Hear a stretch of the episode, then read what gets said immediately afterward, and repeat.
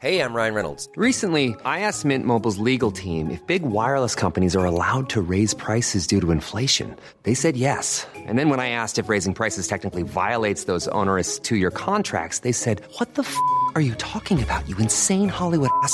So to recap, we're cutting the price of Mint Unlimited from $30 a month to just $15 a month. Give it a try at mintmobile.com slash switch. $45 upfront for three months plus taxes and fees. Promo rate for new customers for limited time. Unlimited more than 40 gigabytes per month. Slows. Full terms at mintmobile.com.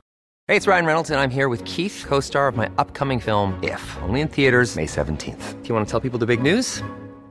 All right, I'll do it. Sign up now and you'll get unlimited for $15 a month in six months of Paramount Plus Essential Plan on us. Mintmobile.com slash switch. Upfront payment of $45 equivalent to $15 per month. Unlimited over 40 gigabytes per month. Face lower speeds. Videos at 480p. Active Mint customers by 531.24 get six months of Paramount Plus Essential Plan. Auto renews after six months. Offer ends May 31st, 2024. Separate Paramount Plus registration required. Terms and conditions apply if rated PG. Burrow's furniture is built for the way you live.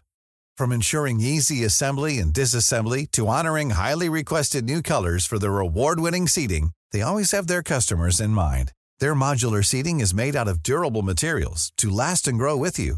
And with Burrow, you always get fast, free shipping. Get up to 60% off during Burrow's Memorial Day sale at burrow.com slash ACAST. That's burrow.com slash ACAST. burrow.com slash ACAST.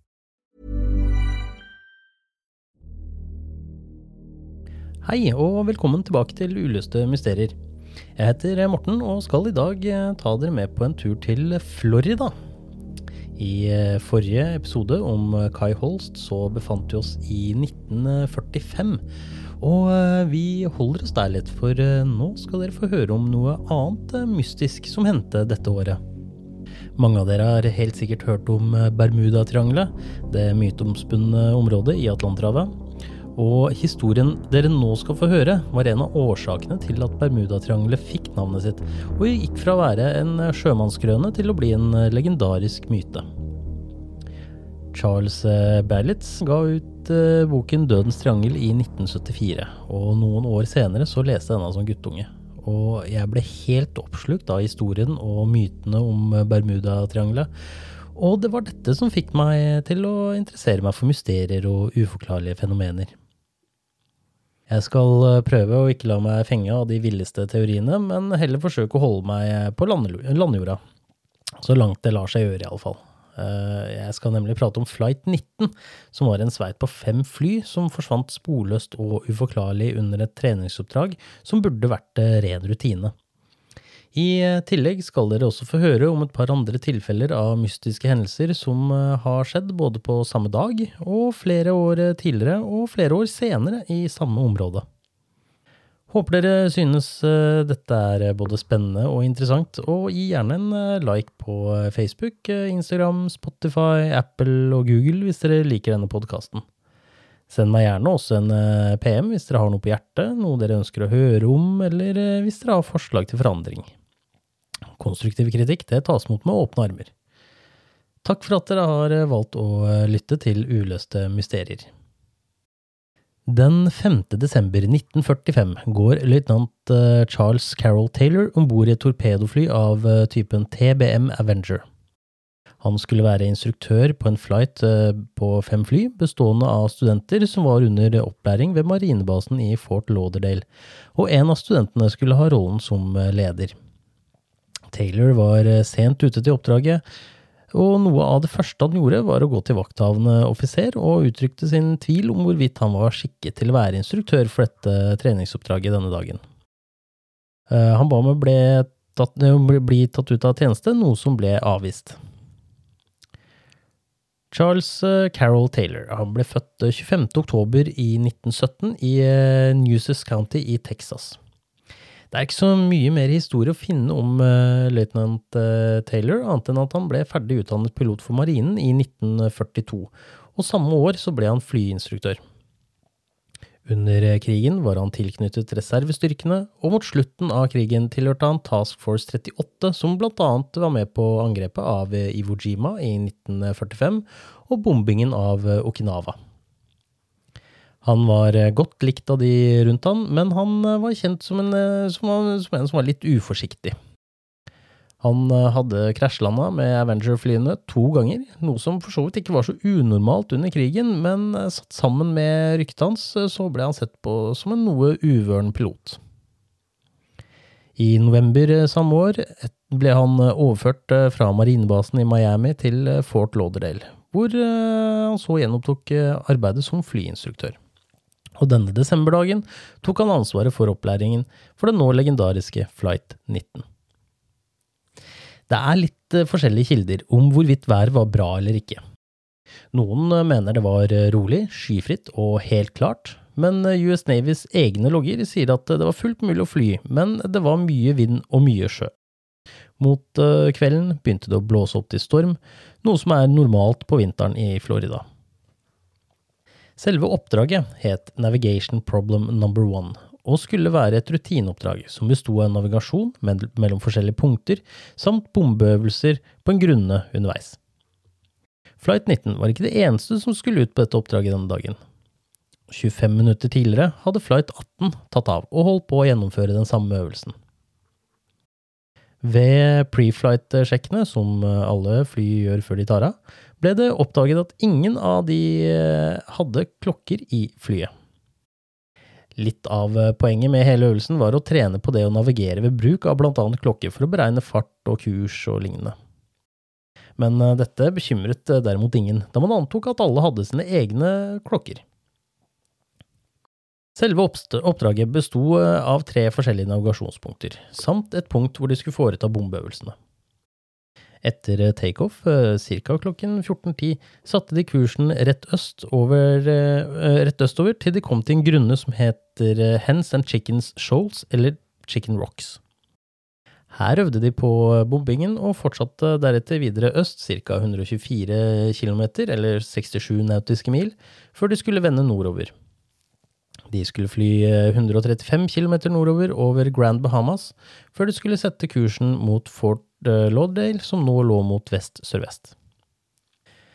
På land og hos andre fly i området eh, kunne du høre samtalene som foregikk mellom pilotene i Flight 19. Ifølge disse samtalene ble bombingen avsluttet ca. klokken 15, da en pilot ba om tillatelse til å slippe den siste bomben han hadde med. 40 minutter senere begynte det som skulle utvikle seg til å bli et mysterium. Jeg kommer til å lese en del radiomeldinger som ble sendt til og fra Flight 19, og jeg oversetter de og håper at oversettelsene gir eh, mening. Løytnant eh, Robert Cox, som brukte FT74 som identifikasjon, holdt på å samle sammen studentene sine til samme oppdrag da han hørte et uidentifisert eh, anrop på radioen. En pilot spurte kaptein Edward Powers, en av studentene på Flight 19, om eh, kompasskurs, hvorpå Powers svarte Jeg vet ikke hvor vi er, vi må ha flydd feil etter den siste svingen. Cox eh, valgte å svare og sa Dette er FT-74, fly eller båt som anroper Powers, vennligst identifiser deg slik at noen kan hjelpe deg. Det ble hørt litt eh, kommunikasjon mellom pilotene i Flight 19 før Cox spurte igjen. Da svarte FT-28, som var identifikasjonen til Taylor. Begge kompassene mine er ute av drift, og jeg prøver å finne Fort Lauderdale, Florida. Jeg er over land, men det er ødelagt. Jeg er sikker på at jeg er over The Keys, men jeg vet ikke hvor langt ned, og jeg vet ikke hvordan vi skal komme oss til Fort Lauderdale. Med broken så er jeg litt usikker på om han mente at landet så litt eh, broken ut, altså eh, brutt opp, eller om det rett og slett var kompasset som var ødelagt. Uh, Iallfall, Cox videreformidler til marinebasen at uh, flyet tilhørende FT-28 var ute av kurs, før han informerte Taylor om å ha solen på styrbord side dersom han er i The Keys, og fly langs kysten til Miami og deretter til Fort Lauderdale. På dette tidspunktet vet ikke Cox hvem FT-28 er, eller hva slags oppdrag de var ute på, og han reagerte derfor ikke at Taylor mente at han var over The Keys, og ga instruksjoner basert på informasjonen han hadde på dette tidspunktet. For å beskrive geografien litt, så var Flight 19 på dette tidspunktet et sted over Grand Bahamas, som ligger øst for Florida. The Keys, som Taylor trodde han var over, ligger sørvest for Florida, altså i en helt annen retning enn de i utgangspunktet fløy. Hvorfor trodde Taylor at han var over The Keys, og ikke over Grand Bahamas, slik oppdraget tilsa at de skulle være. Jeg skal komme tilbake til noen teorier rundt dette senere. Eh, Cox han hadde nå tatt av og fløy eh, sørover. Han eh, spør om høyden til Taylor og sier at han flyr sørover for å møte dem. Taylor svarer Jeg vet hvor jeg er nå. Jeg er på 2300 fot. Ikke kom etter meg. Cox bekrefter høyde og insisterer på at han skal komme og møte dem uansett. Taylor svarer så Vi har nettopp passert en liten øy. Vi har ikke noe annet land i sikte. I eh, forhold til hvor de måtte ha vært på dette tidspunktet, så var de etter all sannsynlighet helt nord i Bahamas. Eh, Taylor spør eh, så Kan du få Miami eller noen andre til å skru på radarene sine, slik at de kan finne oss? Vi kommer oss, ikke, vi kommer oss ikke så langt. Vi var ute på et navigasjonsoppdrag, og på den andre delen trodde jeg de fløy i feil retning, så jeg tok over for å fly de tilbake til riktig posisjon. Men jeg er nå sikker på at ingen av kompassene mine virker. Det foregår eh, litt eh, radiokommunikasjon frem og tilbake, hvor Taylor sier at identifikasjonssystemene på eh, flyene var skrudd av, men at han nå har skrudd disse på, slik at radarene på bakken kan kjenne dem igjen. Han får også beskjed om å gi eh, ledelsen til et annet fly som har eh, fungerende kompasser. Cox melder til eh, Taylor. Radiomeldingene blir svakere. Noe er galt. Hva er høyden din? På dette tidspunktet er Cox på vei sørover mot eh, The Keys, og Taylors flight er på vei nord, altså i stikk motsatt retning, noe som eh, da gjør at radiosignalene selvsagt blir svakere. Det siste Cox hører før batteriet i flyet hans blir såpass lavt at radioen hans eh, slutter å virke, er at Taylor flyr i eh, 4500 fots høyde. I eh, radiomeldinger til redningssentralen virker eh, Taylor mer og mer stresset og forvirret. De prøver å få han til å gi eh, kommandoen til eh, noen som har et fungerende kompass, men det virker som om eh, Taylor ikke hører eller registrerer dette. Han er overbevist om at de befinner seg over Mexicogolfen, og derfor skal fly nordøst, da de i realiteten befinner seg over Atlanterhavet og skulle flydd vest for å finne land. På land hører de Taylor gi kommando etter kommando som ville føre de lenger utover havet og vekk fra land noe som er fullstendig uforståelig den dag i dag. Han snakker også om at været blir dårligere, at han ikke vet hvor de er, og at havet ikke engang ser normalt ut.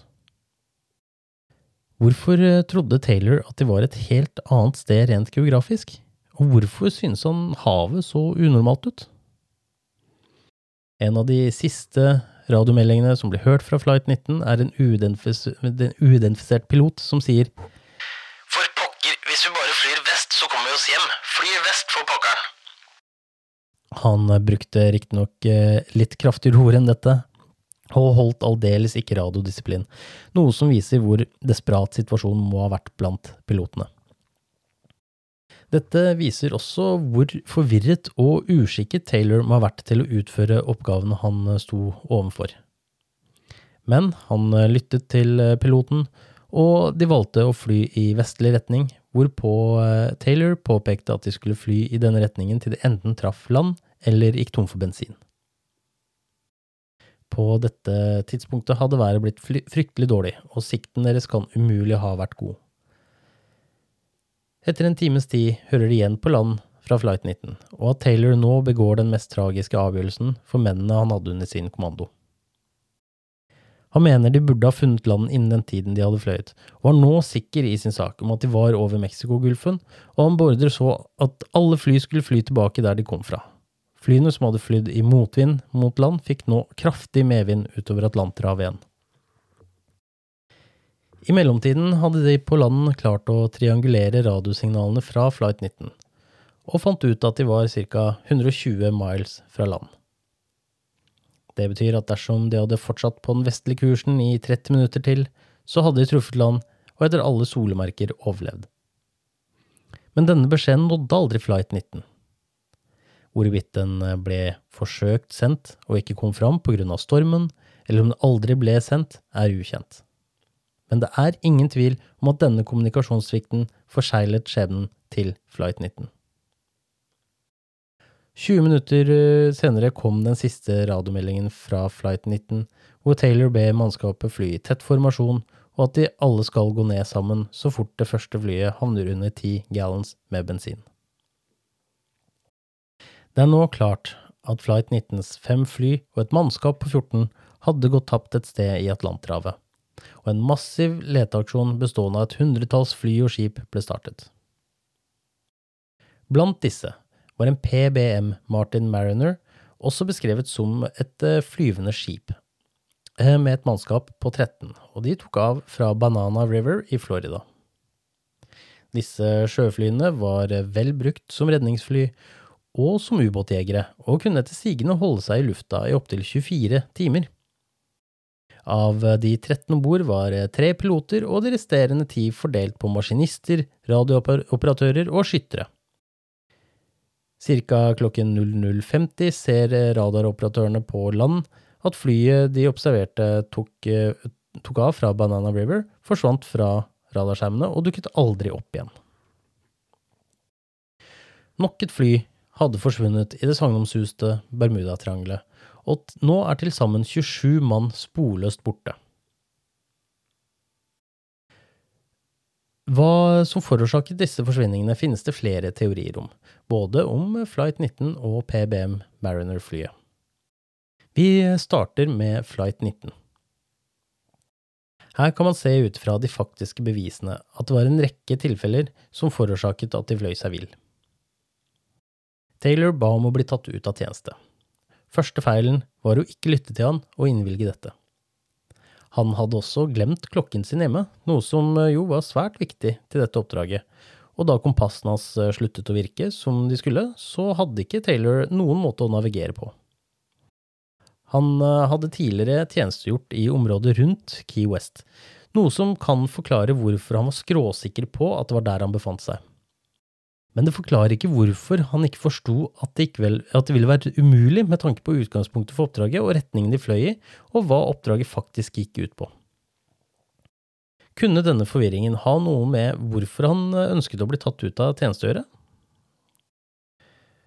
Eh, de neste feilene som ble gjort, eh, sto Taylor for etter at flygruppen høyst sannsynlig hadde blitt blåst noe ut av kurs etter bombingen. Det hadde som sagt begynt å blåse opp til storm, og en uerfaren eh, pilot kan ha glemt å legge inn sidevind i kursberegningene. Husk, det var ikke Taylor som i utgangspunktet sto for eh, navigasjonen. Etter at eh, Taylor tok over, var han som sagt på en eller annen måte overbevist om at de befant seg sørvest for Florida, mens de i realiteten befant seg øst og noenlunde der de skulle være. På grunn av denne forvirringen begynte han å navigere i stikk motsatt retning i forhold til det han skulle. Siste fatale feil var at Flight 19 aldri fikk radiomeldingen om at de på land hadde triangulert posisjonen deres. Hadde denne meldingen kommet fram, hadde nok aldri Taylor insistert på å fly øst rett ut i det åpne Atlanterhavet. Den mest eh, sannsynlige årsaken, basert på bevisene, er at Flight 19 havnet fullstendig ute av kurs, og fløy til havs helt til de gikk tom for drivstoff. Deretter eh, krasjlandet de i høy sjø under en storm, noe de etter all sannsynlighet ikke hadde hatt mulighet til å overleve. Men det er flere teorier om hva som kan ha hendt. Det er selvsagt eh, de som må eh, nevnes, da, og sies å være mest usannsynlige, nemlig at de ble kidnappet av ufoer, eller at Bermudatriangelet på en eller annen måte er en portal til andre dimensjoner, eller en rift mellom tid og rom. Hollywood blant annet har skodd seg veldig på dette. Det finnes også spekulasjoner om at eh, et av flyene valgte å ikke høre på Taylor om å vende østover den siste gangen, men fortsatte øh, vest mot øh, Florida. I 1963 oppdaget en advokat ved navn Graham Stickleather det han mente var en TBM Avenger ved kysten i Florida da han var på jakt. Utrolig nok var det fremdeles to lik i flyet, og uh, Stickleather meldte umiddelbart uh, ifra til myndighetene, hvorpå han ble fortalt at uh, dette var et av flyene fra Flight 19. Man kan jo for teoriens skyld da, anta at det var Captain Powers som eh, for øvrig var den høyest rangerte offiseren i gruppen, som valgte å trosse Taylors ordre om å fly østover. Det ble forsøkt å få bekreftet identiteten til de to om bord, men dette ble avvist, og dokumentene hemmeligstemplet. Stickleder prøvde også å bruke en kontakt han hadde hos Pentagon, men eh, fikk beskjed om å droppe saken. Powers fly hadde for øvrig et mannskap på tre, men kun to lik ble funnet. Hva hendte i så fall med tredjemann? Dette kan ha vært George Paunessa. Like etter Flight 19 eh, hadde forsvunnet, fikk eh, Panessas bror et telegram med en veldig mystisk beskjed. Dere har blitt eh, feilinformert om meg, jeg er i aller høyeste grad i live. Georgie. Ifølge familien var Georgie noe kun foreldrene hans kalte han. Men hvor ble det i så fall av Panessa etter dette? Hvorfor har han aldri stått frem og fortalt hva som faktisk hendte? En mulig teori er at han rett og slett deserterte etter, at, eh, etter hva han opplevde med Flight 19, endret identitet og holdt seg skjult eh, med et nytt liv i frykt for å bli straffet for desertering. Telegrammet kan forresten eh, ses på Naval Air Station Fort Lauderdale museum. En helt annen eh, teori er at Stickleather Stickleder slettes ikke fant noe fly, og at det hele var en bløff. Men med tanke på at han etter dette fortsatte å undersøke mysteriet rundt Flight 19, og samtidig brukte sin tyngde som advokat og senere dommer for å få informasjon om flyet som han påståelig fant i 1963, kan det jo tyde på at dette faktisk hendte og telegrammet. Mange mener at dette er en bløff, men eh, familien mente den gang, og mener det fremdeles, at dette er autentisk, da Georgie som sagt var et kjælenavn kun de aller nærmeste brukte. Hvorfor eh, Flight 19 havnet så langt ute av kurs, og hvorfor instrumentene deres tilsynelatende ikke fungerte som de skulle, er fremdeles ubesvart. Men den 4. desember 1970, nesten 25 år på dagen etter at Flight 19 forsvant, fløy Bruce Gernon sitt Beechcraft Bonanza enmotorsfly fra Andros Island i Bahamas med kurs for Florida med to passasjerer. Dette var en eh, rutineflight for eh, Bruce, en eh, flytur han hadde gjort mange ganger tidligere. Men denne gangen skulle, skulle det bli alt annet enn rutine. Turen tok omtrent halvannen time til vanlig men denne turen skulle bli mer og mer mystisk jo lenger ut i turen de kom. Rett etter takeoff, omtrent 1000 fot fra bakken, ser Bruce en mørk sky foran seg. Jo nærmere han kommer den, jo mer vokser den. Ikke fordi han kommer nærmere, men rett og slett fordi skyen øker i størrelse. Bruce fløy rett gjennom den uten problemer, men omtrent på 11 500 fot så møter han eh, nok en mørk sky, og denne er så stor at han ikke hadde noe annet valg enn å fly gjennom den. Inne i skyen var det helt mørkt, men eh, dette var ikke en eh, stormsky. Selv om det ikke regnet inne i skyen, så så han at det, eh, det blinka hvitt lys som så ut som lyn. Bruce hadde flydd gjennom en stormsky før, og han forsto at dette ikke var lyn, men noe helt annet. Hver gang det, glimte, eh, det glimte, glimta og lyste opp uh, rundt han, så var det som om det var dagslys. Han fortsatte å fly gjennom skyen, og etter en halvtime forsto Bruce at skyen virka sylindrisk i formen, og selv om han følte at uh, han aldri kom til å komme seg ut av den, så så han bokstavelig talt lyset i enden av denne skytunnelen. Han følte seg letta over at han eh, skulle komme seg helskinna gjennom dette, men omtrent samtidig merket han at eh, skyen begynte å tette seg rundt flyet, og instrumentene begynte å oppføre seg veldig rart. Kompassnåla den eh, spant rundt mot klokka, navigasjonsinstrumentene slutta å virke, og de elektroniske instrumentene oppførte seg som noe annet hadde tatt kontroll. Nålene gikk i alle retninger frem og tilbake, og styrespaken til flyet ville ikke lystre. Bruce følte at skyen oppførte seg omtrent som øyet på en orkan, bare horisontalt i stedet for vertikalt, og etter veldig lange 20 sekunder kom flyet seg ut av skyen. Han fortalte at han følte seg vektløs i omtrent fem sekunder etter å ha forlatt skyen, og utenfor var flyet omgitt av en slags grå tåke, men alle, alle tre om bord var i live. Eh, Bruce eh, kontakter umiddelbart eh, kontrolltårnet på Bahamas for å be om posisjonen sin, noe som tar denne flyturen fra rutine til mysterium. Kontrolltårnet, som burde ha sett flyet til Bruce, finner dem ikke på radarskjermen sin, men snart melder han tilbake om at flyet befinner seg i Miamis luftrom. Dette kunne ikke stemme, da strekningen de fløy på var drøyt 400 km og skulle ta 90 minutter, men på en eller annen måte hadde de tilbakelagt strekningen på 47 minutter og veldig snart kom han seg under skydekket og så Miami.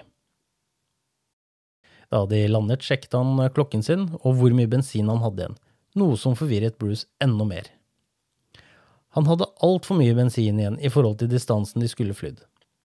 Så hva eh, skjedde med Bruce og passasjerene hans? Det er eh, flere teorier om dette som eh, spenner seg fra ormehull til mørk energi, men hvis vi holder oss litt på landjorda, eller iallfall dette solsystemet, så har eh, forskere funnet ut at det var flere solflekker og solvinder denne dagen som er slynget mot jorda i en hastighet på 700 km i sekundet.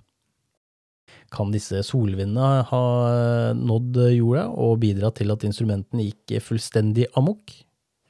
Og hva med skyene som plutselig formet seg i luften rett foran han? Det er eh, utrolig nok forholdsvis et vanlig fenomen i området. Soner med høy- og lavtrykk har en tendens til å skape stormskyer, og dette området er intet unntak. Skyene kan rett og slett ha blitt formet av to fronter som møttes. Men hvorfor klarte de å tilbakelegge strekningen eh, på tiden de gjorde? Det er det ingen som har svar på. Det eh, er derimot de som mener at Flight 19 kan ha flydd gjennom en slik elektrisk tåke, slik Bruce beskrev den som. Dette kan ha gjort at instrumentene deres ikke fungerte som de skulle, og at de ble desorienterte, og at de syntes omgivelsene, som for eksempel havet, så unormalt ut. Det kan også bety at de kan ha blitt eh, fraktet mye lenger vekk fra sin opprinnelige kurs og land enn hva man tidligere har trodd. Radiotrianguleringen som lokaliserte Flight 19, hadde en diameter på 100 miles, noe som kunne plassere de i et forholdsvis stort område. Men hva hendte med redningsflyet som ble sendt ut? To fly tok av fra Banana River og disse fløy samlet utover Atlanterhavet før det delte seg og fløy i forskjellig retning. Flyet som eh, forsvant, eh, eh, det fløy nordover langs kysten av Florida. Kapteinen på tankskipet SS Gaines Mill står på broen, og klokken 19.50 ser han plutselig en ildkule på himmelen. Han melder straks ifra til marinen, som ber han om å undersøke området ildkulen gikk ned i. Mannskapet på tankskipet finner ingen vrakrester eller noe spor av mannskapet på flyet, men de fant et stort oljeflak. Det var uansett lite tvil. PBM Mariner-flyet som tok av fra Banana River, hadde eksplodert i luften og etterlot seg ingen overlevende. Men hvorfor hadde flyet plutselig eksplodert? PBM Mariner-flyene hadde kallenavnet flyvende bensintanker, del, dels fordi de kunne holde seg i luften i mange timer i strekk, og dels fordi bensingass hadde en tendens til å lekke inn i kabin og cockpit. Røyking om bord i flyet var strengt forbudt, og bare et lite gnist kunne antenne gassen, noe som igjen kunne føre til en eksplosjon inne i flyet. Og det var nok dette som skjedde. Av en eller annen ukjent grunn antente gassene fra flybensinen og gjorde at flyet eksploderte i ildkulen som kapteinen på Gaines Mill observerte, og hele mannskapet på 13 ble drept og aldri funnet igjen. Hvis man ser på forsvinningen av eh, Flight 19 med kritiske og realistiske øyne, tyder alt på at de havnet ut av kurs. Populære teorier handler selvsagt om bortføringer av ufoer eller andre fenomener i Bermudatriangelet, som eksempel at portaler åpner seg og sluker det som måtte befinne seg i området, eller at magnetisme påvirker instrumenter og til og med drar både fly og båter til bunns av havet. Dessverre, for å bruke det ordet, er, det nok, er nok sannheten mer skremmende. Nemlig at forsvinningen forsvinningen skyldes eh, den menneskelige faktoren som tok flyene ut av kurs. I tillegg ble det tatt, og ikke tatt, eh, avgjørelser som førte til eh, katastrofale følger. Etter all sannsynlighet gikk Flight 19 ned for krasjlanding mellom 320 og 400 km fra land et sted ute i Atlanterhavet. Dersom eh, de overlevde krasjlandingen, ville den høye sjøen høyst sannsynlig velta livbåtene deres. Dersom de eh, ved et eh, mirakel klarte å holde redningsflåtene flytende, ville Gulfstrømmen ført de videre nordøst utover Atlanterhavet.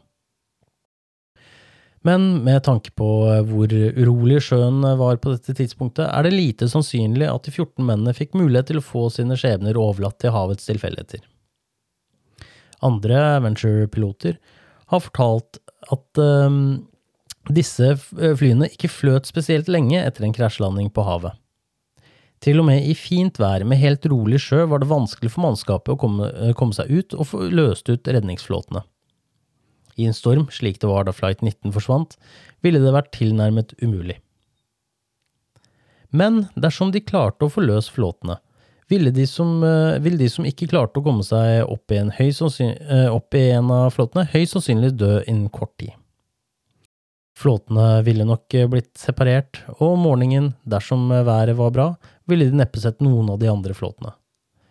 Innen noen dager uten vann ville de dødd av dehydrering.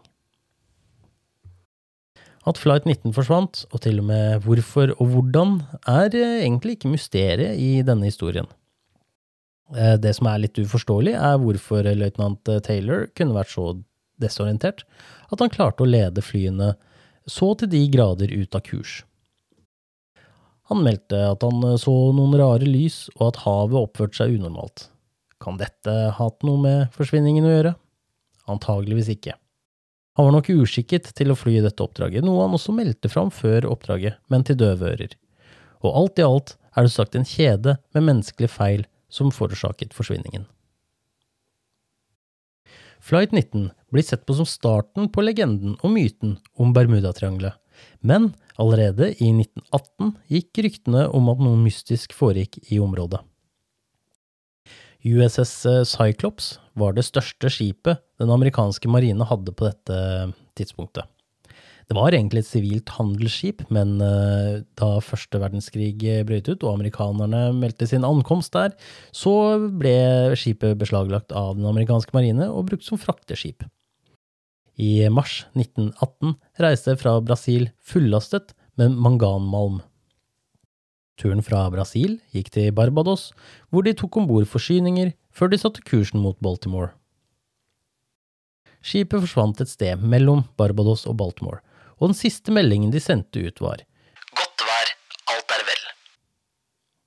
Ikke så mye som et SOS ble sendt ut, og det ble aldri funnet noe vrakgods eller eiendeler tilhørende skipet eller dets mannskap. Ryktene om eh, hva som hendte med Cyclops, og de mer enn 100 skip og fly som har forsvunnet i området, har fått løpe løpsk og handler om ufoer, men også havmonstre som kommer til overflaten for å dra skip med mann og mus til bunns. Det gikk også rykter om at tyske ubåter kan ha synket Cyclops, men som regel med torpedering så rekker mannskapet å sende ut eh, en SOS-melding. Det er heller ikke rapportert fra tysk side om noen nedsenking av amerikanske skip i området på dette tidspunktet. En eh, sannsynlig årsak er det som kalles monsterbølger. Disse bølgene var lenge myteomspunnet, og sjømenn hadde rapportert om å ha sett enorme bølger så store at de lett kunne sluke store skip. I 1826 meldte kaptein eh, eh, Jules Dumont d'Orville d'Urville om en monsterbølge på rundt 30 meter. Men han ble latterliggjort av samtiden, da det var en overbevisning om at ingen bølger kunne overstige ni meter. Det ble sett på som umulig, og noe annet ble ansett som skrøner fra sjømenn og like sannsynlig som havfruer. En del av skepsisen skyldtes det faktum at dersom noen først kom ut for en bølge på 30 meter, så overlevde de sjelden til å fortelle om det. I løpet av 1900-tallet aksepterte de at større bølger eksisterte, men at eh, de ikke ville nå eh, høyder på mer enn 15 meter. 30 meter høye bølger kunne, det kunne nok forekomme, men da kun hvert 10 000 år. Først i 1984 ble eksistensen vitenskapelig bevist, eh, da det ble eh, filmet en monsterbølge ved Gorm-plattformen i Nordsjøen. Denne hadde en høyde på rundt 11 meter, og i 1995 ble det filmet en monsterbølge på hele 25,6 meter ved oljeplattformen Draupner, som også ble den første bølgen som de kunne måle vitenskapelig på grunn av skadene plattformen fikk da den ble truffet. Det ble fremdeles antatt at dette var et sjelden tilfelle som eh, kun kunne forekomme under ekstreme og sjeldne forhold. Og først i 2007 klarte forskere å måle bølger ved hjelp av satellitter, og fant ut at slike bølger forekom flere ganger daglig rundt om i verden. Det er nå helt akseptert fenomen, og det antas at det er minst ti monsterbølger på havene til enhver tid. Kan det ha vært dette som skjedde med Calypso i 1918? Kan de bli truffet av en monsterbølge så stor at de rett og slett ble slukt av havet?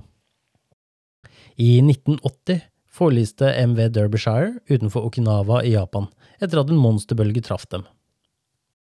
Bølgen traff i fronten, og kraften slo hull på lastelukene, noe som gjorde at skipet ble fylt med vann på veldig kort tid.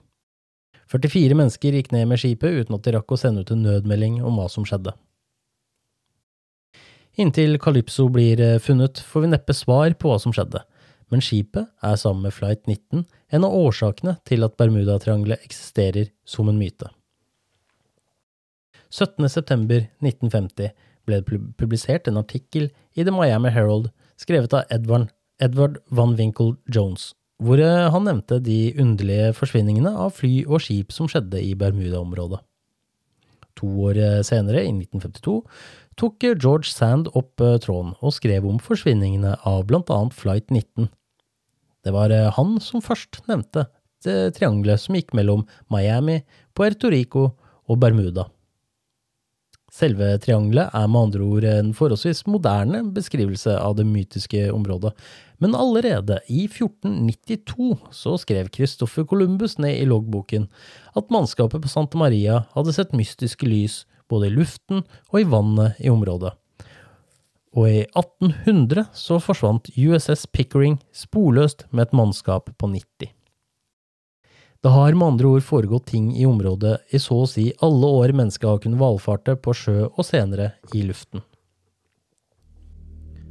Hva Columbus så i 1492, hva som skjedde med Calypso og USS Pickering, hvor Flight 19 endte sin ferd, får vi nok aldri svar på.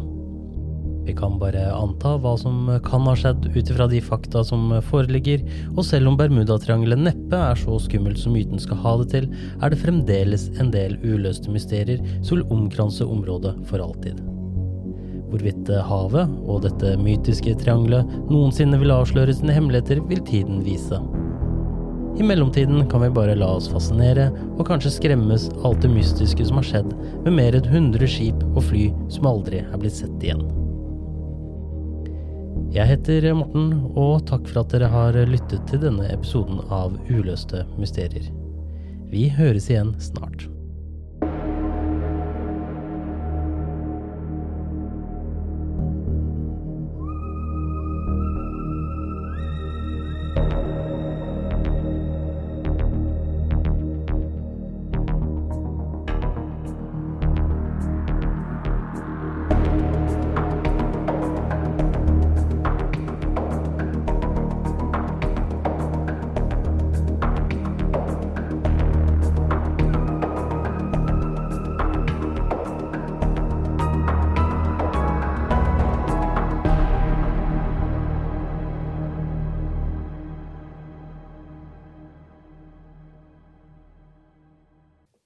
Jeg vil rette en eh, stor takk til eh, Anders Enger Jensen for eh, musikken til podkasten, og Åge Skjellum Bakken for logo og bakgrunnsbilder. Planning for your next trip? Elevate your travel style with Quince. Quince has all the jet setting essentials you'll want for your next getaway, like European linen, premium luggage options, buttery soft Italian leather bags, and so much more. And is all priced at 50 to 80% less than similar brands. Plus, Quince only works with factories that use safe and ethical manufacturing practices. Pack your bags with high-quality essentials you'll be wearing for vacations to come with Quince. Go to quince.com slash pack for free shipping and 365-day returns.